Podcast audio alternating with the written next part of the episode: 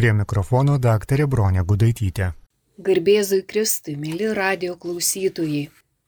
Taigi, ypatingas metas ir ko gero metuose nėra kitos tokios dienos, kurios taip lauktų visi žmonės ir iš kurios būtų tiek daug tikimasi, kaip iš gruodžio 24 vakaro Taigi čia tarsi susikaupia visa advento energija. Kaip e, apie Mariją sakoma, prisertino metas gimdyti. Ir va tas e, laukimas, tas pasiruošimas, visas tas laikas ir yra tai, ką mes vadinam kalėdomis, ne tik tai gruodžio 25 kalėdų diena, bet visas šitas laikas, kada artinasi tas metas gimdyti, gimti ir regėti Dievą. Tai iš tiesų mes esame tie, kurie kasmet ruošiame širdis, kad čia būtų ta prakartėlė, kur, kur galėtų gimti Dievas, kai prisertina tas laikas. Ir va tas laiko prisertinimas tą laiko prisertinimą visi jaučia. Ir, ir galim sakyti taip, kaip ir Jėzaus laikais labai skirtingai išgyveno. Tas laikas buvo toks ypatingas, bet visi žmonės tarsi ir gyveno tą savo laiką, bet, bet vis dėlto mūsų tarpe gimsta Dievas. Ir tų žmonių tarpe gimė Jėzus Kristus. Gimė Dievas, bet ne visi tą žvaigždę matė. Ne visi gyvenime atpažįsta veikiantį Dievą ir esantį šalia, bet ir tie, kurie tikrai esam pasirengę dėl Dievo karalystės nugyvent savo gyvenimą, galime elgtis taip kaip karalius Dovydas. Iš tiesų, kalėdų bernelių turbūt mišiuose yra tas skaitinys, kur vyksta dialogas tarp pranašo Natano ir karaliaus, o galbūt tai kalėdų e, rytmečio mišiuose. Tiesiog nuostabus dialogas tarp pranašo Natano ir karaliaus Dovydo. Ir Dovydas iš tikrųjų ten ištarė nu, tokį savo norą. Jis nori pastatyti Dievui namus ir tarsi jisai žada Dievui, kad jis pastatys Dievui namus, o gauna iš Dievo žinę, kad aš pastatysiu tau namus. Taigi Dievas nori pastatyti namus mūsų širdyse. Mums atrodo, kad mes va tarsi esam tie, kurie turim viską nuveikti. Taip, mes turim tam tikras sąlygas, mes turim parengti, ar ne, tą vietą Jėzaus ateimui, bet, bet Dievas stato namus mumyse būtent, kaip kalbam, per tam tikras sąlygos, o tos sąlygos yra dvasios beturtystė. Mes gerai žinom tą kalno pamokslą su aštuoniais palaiminimais ir kaip tik tas pirmasis ir skamba - palaiminti dvasios beturčiai. Taigi palaiminimas yra tai, kas ateina iš paties dievų. Pats Dievas yra palaiminimas. Marija buvo malonės pilnoji, kodėl, kad Dievas buvo joje. Taigi, veikianti malonė, jinai stato namus. Bet tas noras iš tikrųjų turėtų būti kaip Dovido, Dieve, aš tau pastatysiu namus, aš tau parengsiu savo širdį, tu galėtum toje širdyje gimt, kad, kad tu galėtum ateit į, į tą mano pasaulį, jį perkeist, jį, jį transformuot. Nes žmogaus pašaukimo vieta ir savęs realizavimo vieta yra širdis. Ir mes irgi kalbėjom, kad reikia va tą širdį padaryti tyrą, tą širdį padaryti taikę. Tyra širdžiai regės Dievą. Ar ne tik tai va tie, kurie e, pasirengia Dievo prieimimui, bet namus ten pats Dievas pastatys. Kitaip tariant, tai Dievo karalystė kartu su pačiu Dievu, ten, kur Dievas, ten ir jo karalystė. E, mes žinom, kad buvo tokie fariziejai, kurie greičiausiai nebuvo tyra širdžiai, nes Jėzus juos dažnai vadindavo pabaltintais karstais, kitaip tariant, tai yra tokie žlugę žmonės, bet e, labai geros nuomonės apie save. Betgi mes žinom to žodžius vargas jums veidmainiai, rašto aiškintojai, fariziejai, jūs valote taurės bei dubens išorę, o viduje esate pilni gopšumo, pilni nesivaldymo. Aklas fariziejų pirmiau išsivalyk taurės vidų, o tada bus e, švari ir išorė. Tai vad iš, išvalytą vidų, kad e, iš tikrųjų e, galėtų Dievas ten statyti namus, tokia yra tiesa. Nes palaiminti alkstantys teisumo, ar ne, jie, jie bus pasotinti, bet tas teisumas, ta tiesa yra pats Dievas. Tu būsi pasotintas, kai Dievas gims tavo širdyje. Taigi Jėzus sakė, aš esu kelias tiesa ir gyvenimas, ir jis ateina. Taigi tas dieviškas e, gyvenimo kelias ir prasideda nuo tų dvasios beturčių, sakykime, apipylimu malonę, dievišką malonę, palaiminimu. Ir toje sieloje tikrai yra šviesa. Tyra širdis yra šviesi širdis, nešanti šviesą. Ir Jėzus dažnai kalbėjo apie šviesą, kurią turėtų nešti jo sekėjai. Bet demonas irgi stengiasi. Taigi puikybė yra toks, nu, nežinau kaip čia pavadinti, vat, demono pats geriausias mums e, parinktas gundimas, kurio net laikom ne vienas. Ir tas e, ir puikybė būtent yra e, tokia priemonė, kad, nu, nei vienas negalėtų tapti šventu. Ir į puikybę mes iš, tarsi iš prigimties visi linkę. Atrodo, kad ta puikybė tai, tai ir bus ta savirealizacija, kad e, tarsi per puikybę mes lyg e, savo vertę visiems parodysim, jėgų įgysim, mus lydės sėkmė, pripažinimas ir vieną dieną visi įvertins mus. Bet iš tikrųjų tai per puikybę pasireiškia Jėzaus palaiminimų priešybė. Per puikybę pasirodo visi antikristo veidai, visos demoniškos karikatūros, o mes galvojom, kad va čia yra tas teisumo kelias. Nes e, kaip kryžiaus Jonas pastebėjo, kad trys svarbus dalykai, kuriuos mes turėtume atkreipdėmėsi ir, ir jis perspėja dėl tų trijų dalykų. Tai pasaulis, demonas ir, ir mes patys.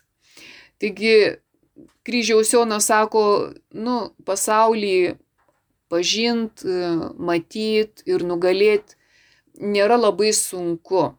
Kitaip tariant, tai tarsi mes esam per distanciją su pasauliu ir, ir mes matom, kaip viskas ten pasaulyje vyksta, tai patarimas būtų tiesiog Jeigu matai, kad rinkdamasis, ką pasaulis tau siūlo, reklamuodamas, savom priemonėm ar ne gundydamas, tai tiesiog laikykis nuo šaly. Va, kaip kryžiaus Jonas sako, va, bodėkis visokio savinimuose. Nebūk tas, kuris nori viską turėti, viską įgyti ir viską turėti tik savo. Kitaip tariant, Dievas visko pasirūpina ir maistu, ir drabužiu, ir, ir mūsų veikla.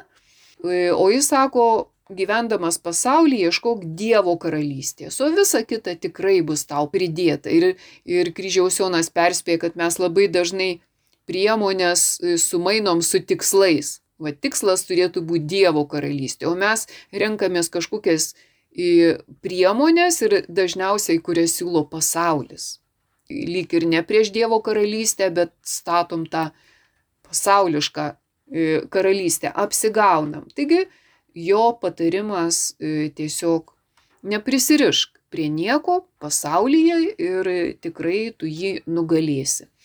Dėl demonų yra sudėtingiau, nes kryžiaus jaunas demonas visada pasirodo užsidėjęs gėrio kaukę. Jis, jis neteina kaip demonas, jis ne, neteina kaip, kaip tas, kuris nori mus nužudyti. Ne. Todėl jo manimu čia ir sudėtinga atpažinti. Jis visada, vad kai kalbam apie tą jo pasirinktą metodą, mums pasiūlė kokią nors puikybės formą. Ir demono draugais tampam dėl puikybės. O Dievas Jėzus sako, būk dvasios beturtis. O pasauliui nepatinka. Demonas veikia per pasaulį ir, ir ta dvasios beturtystė pasaulyje neturi vietos. Ten kalbama priešingai apie e, didelę savivertę, apie e, konkurenciją ir taip toliau, kaip kuo labiau save įtvirtint, bet kokiam priemonėm. Bet e, nežinau, apie dvasios beturtystę, apie, nežinau, tokį gyvenimo būdą, kurį siūlo Jėzus, nu, pasaulis nelabai vertina. Bet puikybę siūlo labai aiškiai, labai tiesiai. Bet vad, kai mes priimam tą puikybę, tai mes pastebim, kad prarandam ramybę, kad puikybė verčia mus apsimetinėt, meluot, tap dvi veidžių, pataikaut, vieną galvot, antrą sakyt, trečią daryt.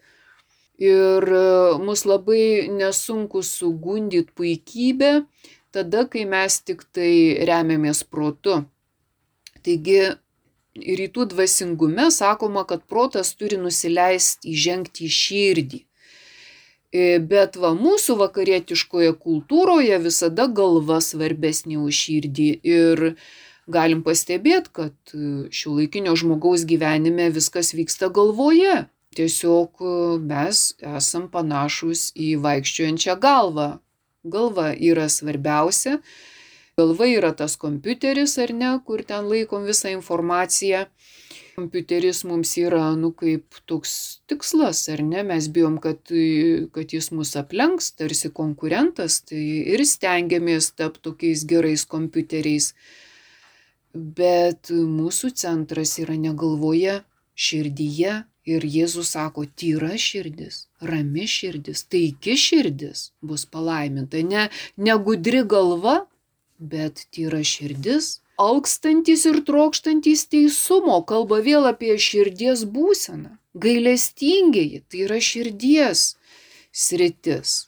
Kitaip tariant, širdis siejama su tikru gyvenimu.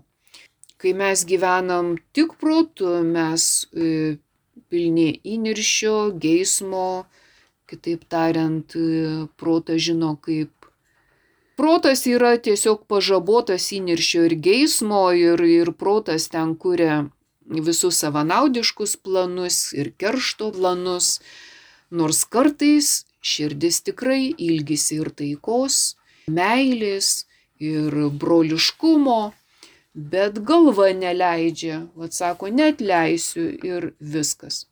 Galim pastebėti, kad per atgailą mes tampam tokie minkštesni, Kitaip tariant, tikros atgailos ašaros suminkština mūsų sielą. O ką tai reiškia? Kad mes nu, apverkiam savo nuodėmingumą.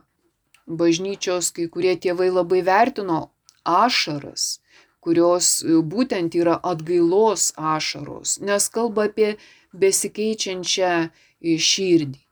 Bet puikybė yra užkėtėjus ir dažniausiai puikybės apimtas žmogus ten ašarų nelieja, nebent po to, kai jau ten nepasiseka, ar ne? Taigi kryžiaus Jonas perspėja dėl savęs paties, kad mes negyventume tokiais įpročiais, kurie atsiranda per gundimus, o paskui jau kaip ir šventoji Teresė Vilietė sako, velniui su manim, nu, tiesiog nėra kas veikti, jis atėjo, pasėjo pikžolės ir jos auga. Taigi jinai kalba apie mus visus, kad e, tiesiog neapsigaukim, negal, nesitenkinkim tuo mūsų tokiu įprastu pasakymu gyvenu kaip visi. Nereiškia, kad tai yra pats geriausias e, gyvenimo receptas gyventi kaip visi. Kryžiaus Jonas sako, reikia susirūpinti e, savimi, o, o bet čia e, sunkiausia atpažinti, nes mes esam suaugę su ta savo puikybė, su tuo savo fariziejišku teisuoliškumu. Ir todėl jo patarimas yra, vad kaip tapti tuo tikru dvasios beturčių. Jis sako, va, tu gyveni kažkokioje aplinkoje, tarp kažkokių žmonių. Mes visi esame, va, kaž, kažkokioj vietoje ir mūsų supa kažkokie žmonės.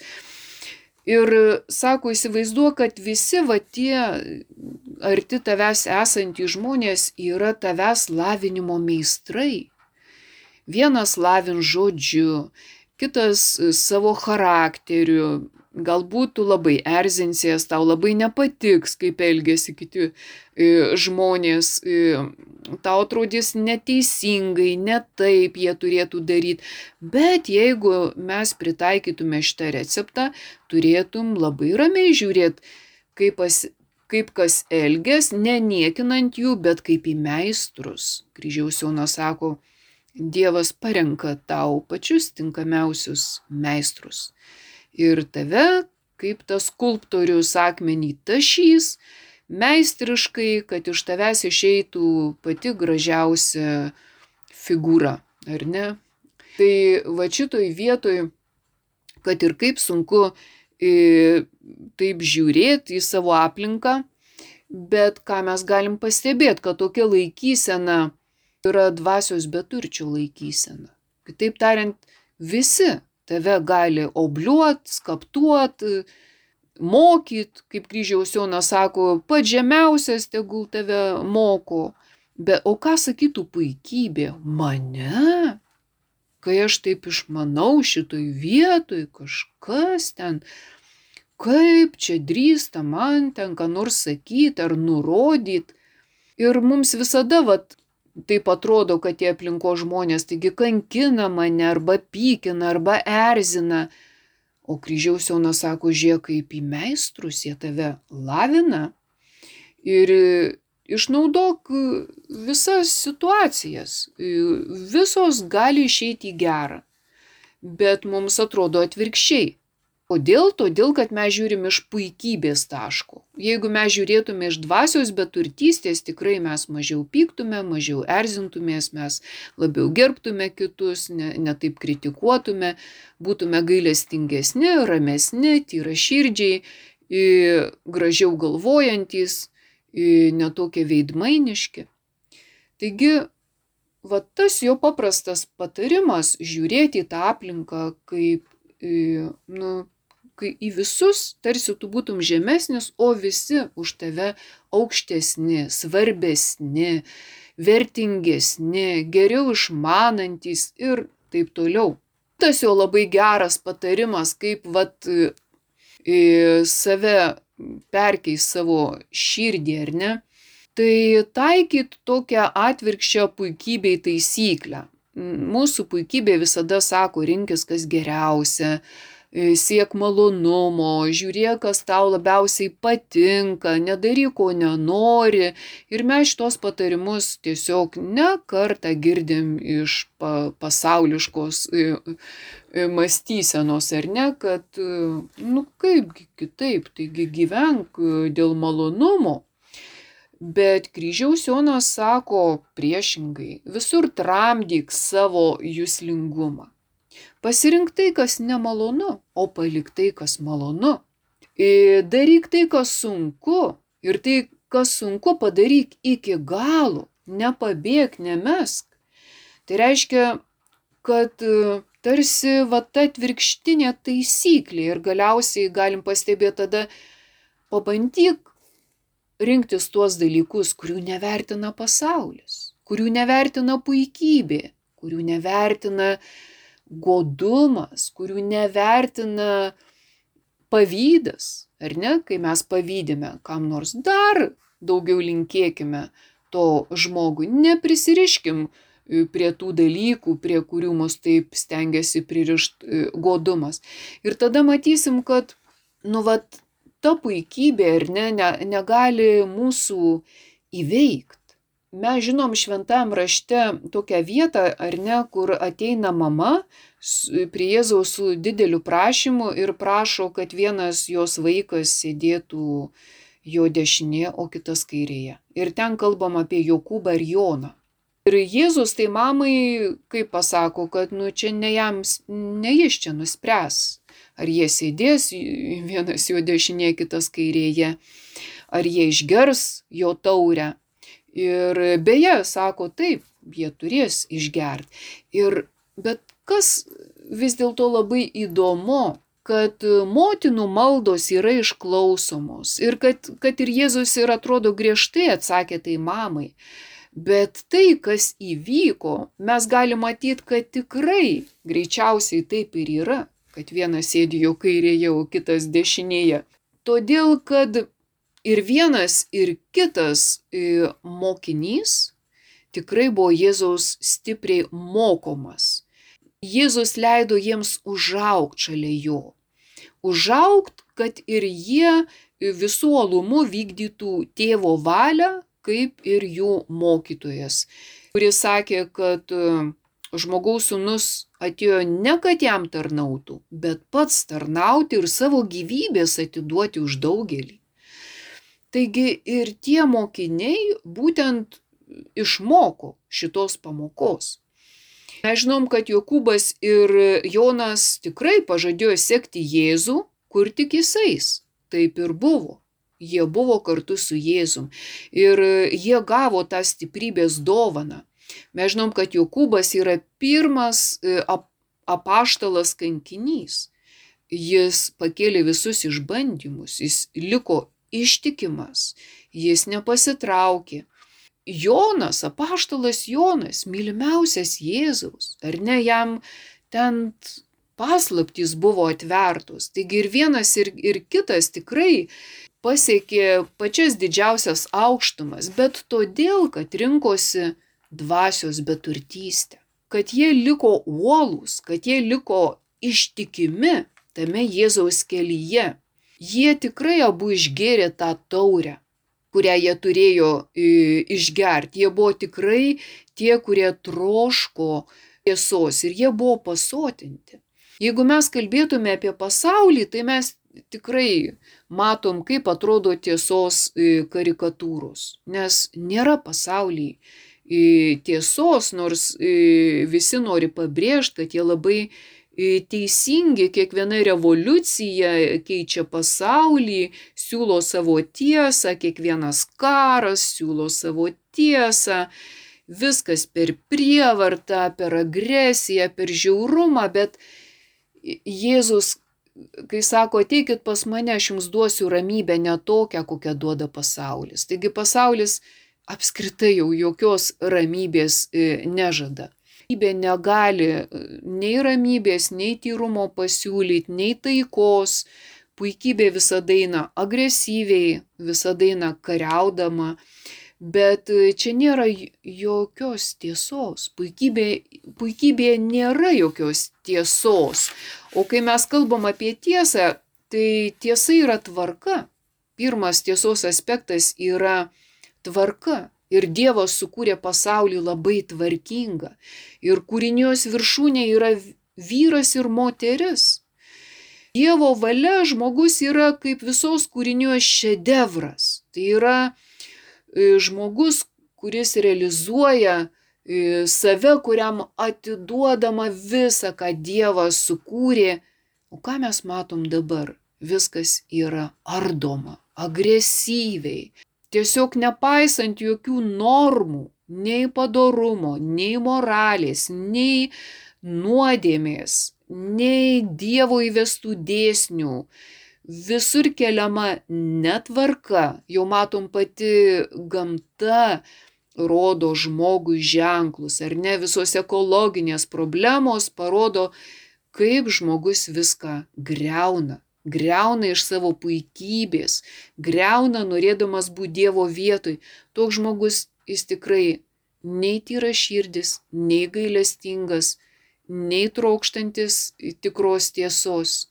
Viskas yra atvirkščiai. O ta šietono įsakymai yra tveriami, įgalinami, kad jie veiktų.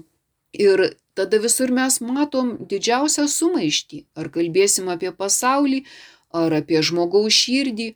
Ir tikrai iš puikybės e, žmogus praranda protą. Ir visiškai jame nėra širdies. Nėra tvarkos. Viskas yra prieš Dievo sukurtą tvarką, prieš kūrinyje, prieš prigimtį. Viskas daroma atvirkščiai. Bet mes žinom, kad vat, antras e, Dievo teisingumo aspektas yra jau susijęs su atpirkimu. Vis dėlto Jėzus ateina išpirkti žmogaus iš to nuodėmingo būvio, kad vėl gražintų tvarką, kad tarsi vėl viskas e, grįžtų į savo vietas. Ir jo e, sąlygos, kurias siūlo žmogui, kaip save sugražinti į tvarką, kaip save sugražinti į tą tikrąją prigimtį, yra dvasios beturtystė. Dvasios beturtystė seka Jėzų ir kai Jėzus sakė, mano maistas vykdyti valią to, kuris mane siunti. Mano maistas. Ir paklaustume, o mūsų kokia yra mytyba, kuo mes mintam. Deja, vad kai kryžiaus Jonas sako, labai sunku tą atpažinti savį, kad ta mūsų mytyba vis dėlto yra šietoniška, puikybė, godumas, visos nuodėmės. Visos nuodėmės dabar yra tas maistas, kurio mes pilna burna e, maitinamės, kuris yra reklamuojamas, kuris yra gaminamas. Vat trūksta būtent to tikrojo e, dvasios beturtystės maisto. Tai tėvo valios. Dvasios beturčiai yra palaiminti, ar ne tie, kurie gauna malonę iš Dievo. Visų palaiminimų pirmiausiai, tai aišku, nusipelnė Marija.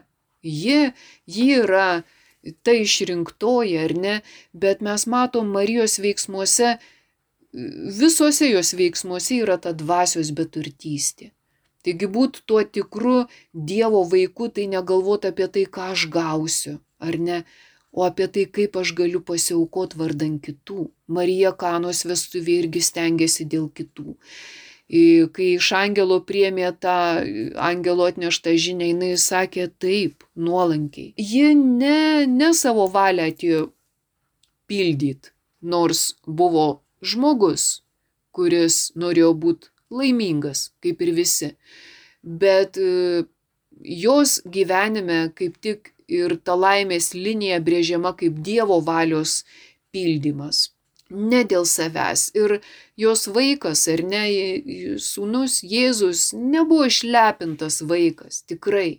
Kitaip tariant, ir mes, kurie nori, norim būti tėvo, tėvo vaikais, mes irgi neturim būti išlepinti. Taip kaip kryžiaus Jonas sako, mes turim rinktis, kas sunkiausia. Mes turim nepabėgti nuo to, kas sunku, mes turim ištverti. Mes turim neprisirišti prie to, kas malonu, o priešingai priimti viską, kas, kas yra sunku, kas yra sudėtinga, kas yra ne pagal mano norą. Taigi tas pats kryžiaus Jonas sako, vad, ne tik, kaip jis sako, noriu perspėti ar ne dėl pasaulio, dėl, dėl velnio ir, ir dėl, dėl mūsų pačių, bet jis sako, aš noriu ir patart. Ir vad tie jo patarimai yra siejami tikrai su dvasios beturčio laikysena, kai jis sako, kad reikia puoselėti, nuolat puoselėti atsižadėjimą, marinimąsi, darybių praktiką.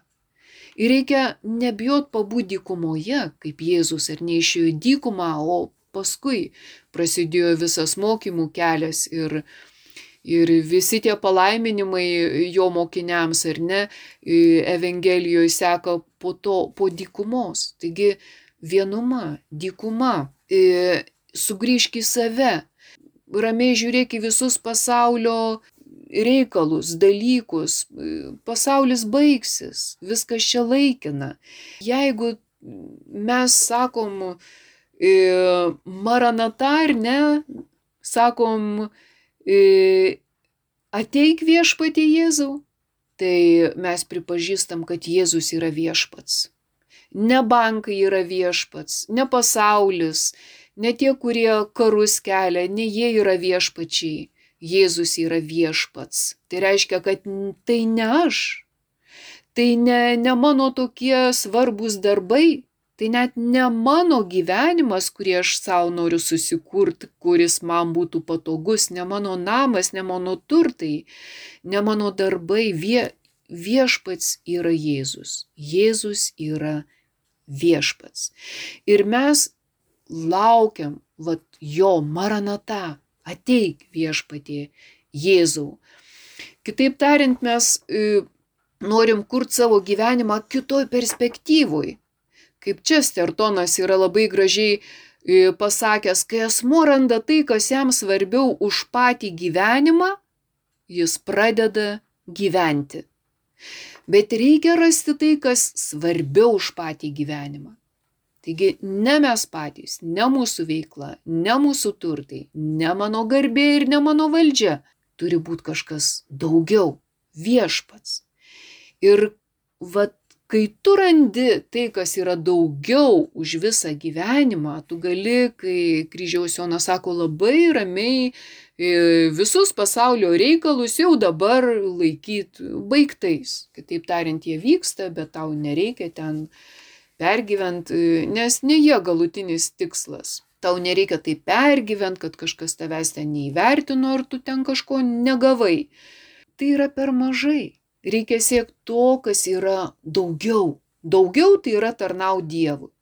Daugiau tai yra prisirišti ne prie pasaulio, ne prie malonumų, ne prie savo įniršio ir geismų, bet prisirišti prie Dievo, kaip kryžiaus Jonas sako. Taigi, kai Kristus gimsta mūsų širdie, tai ir nutinka. Kas gali būti svarbiau už patį gyvenimą? Viešpats. Jis yra tas amžinas gyvenimas, jis yra tas tikras gyvenimas, jis yra tikra tiesa, jis yra kelias, kurio man užtenka, kad aš per savo gyvenimą eičiau tuo keliu. Dievas yra vienintelis, kuriam galim save atiduoti nieko neprarasdami. Dvasios beturtis jis yra palaimintas, tai reiškia jis yra laimingas, jis yra viskuo apipiltas jam, visko gana. Taigi mes save atrandame tada, kai atrandame, kai Čestertonas sako kažką, kas yra svarbiau už patį gyvenimą. Tada tas žmogus pradeda gyventi. Taigi atraskime Jėzų, kuris yra pats gyvenimas. Ir, taigi tą šventą Kalėdų dieną mes jaučiam, kad tai yra tiesa. Jis yra tas gyvenimas su visa prasme. Ir kaip gera būti žmogumi, ar ne, kai pagalvoji, kad tu esi šitoj žemėj, nes pats Dievas irgi pasirinko būti žmogumi. Jis ateina į mūsų tarpą. Todėl gyvent dvasios beturtystė yra tikra laimė, kai kryžiaus Jonas sako, per atsižadėjimą į tavo širdį atplūs ramybė, atplūs taika. Gyvenk taip, tarsi niekas daugiau negyventų, tik tu ir Dievas. Ir atrodytų, tai kaip čia man taip dabar. Bet iš tiesų, jeigu mes savo širdie gyventume su Dievu, kaip pasikeistų mūsų gyvenimas jeigu taip įvyktų, jeigu jis tikrai gimtų mūsų širdyje. Ir vėlgi, kryžiaus Jonas sako, o kas yra tas marinimasis? Ir atsakymas tas pats. Gyvenk dėl Dievo, neieškok savo paguodos. Jis kalbėdamas vienuoliams ir sako, pagalvokit, dėl ko jūs atėjote į vienuolyną. Ar dėl to, kad jums čia būtų gerai, saugu, gautumėt valgyt, ar ne, turėtumėt kažkokią tvarką savo gyvenime. Ar tikrai jūs čia dėl to atėjot? Jis sako, jūs atėjot ne dėl to, jūs atėjot dėl Dievo. Taigi ir mes, jeigu labai pergyvenam, kad kažkas mums atrodo per mažai, vad ne taip, nėra tos laimės, tokios paguodos, vad vilties čia niekas net neša man daugiau į gyvenimą nelabai gal ir rūpiu kam nors, Bet jeigu aš gyvenu dėl Dievo, aš ir neturiu niekam rūpėti. Ir jeigu aš gyvenu dėl Dievo, tada man nereikia galvoti, ką kiti pagalvos apie mane, o kaip aš čia atrodysiu, jeigu aš nedarysiu, kai visi, tai ką, kaip čia bus. Bet jeigu aš gyvenu dėl Dievo, kas gali būti geriau?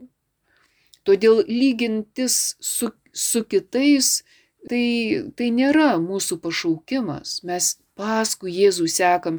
Ir tas pats kryžiaus Jonas sako, kai tu nežinai, kaip gyvenime elgtis, tai visada pagalvok, nu, o jeigu Jėzus dabar būtų mano amžiaus, mano pareigose, va dabar va šitoj vietoj su to mano lygom, su, su silpnybėm ir taip toliau, va ką jisai pasirinktų daryti, va tiek, kiek, kiek aš pažįstu jį.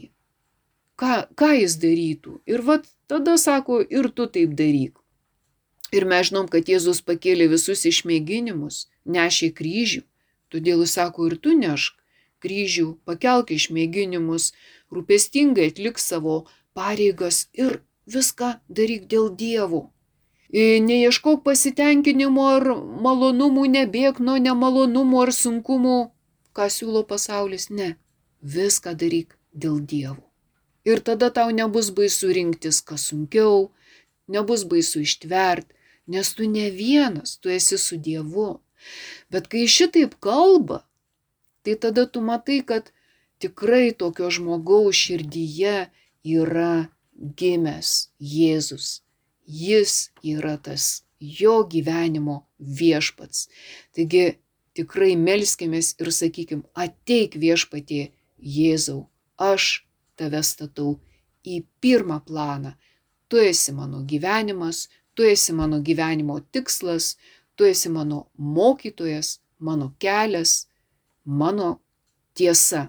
Taigi, kaip psalmininkas sako, patirkite patys, koks geras yra viešpats. Laidoje kalbėjo daktarė Bronė Gudaitytė.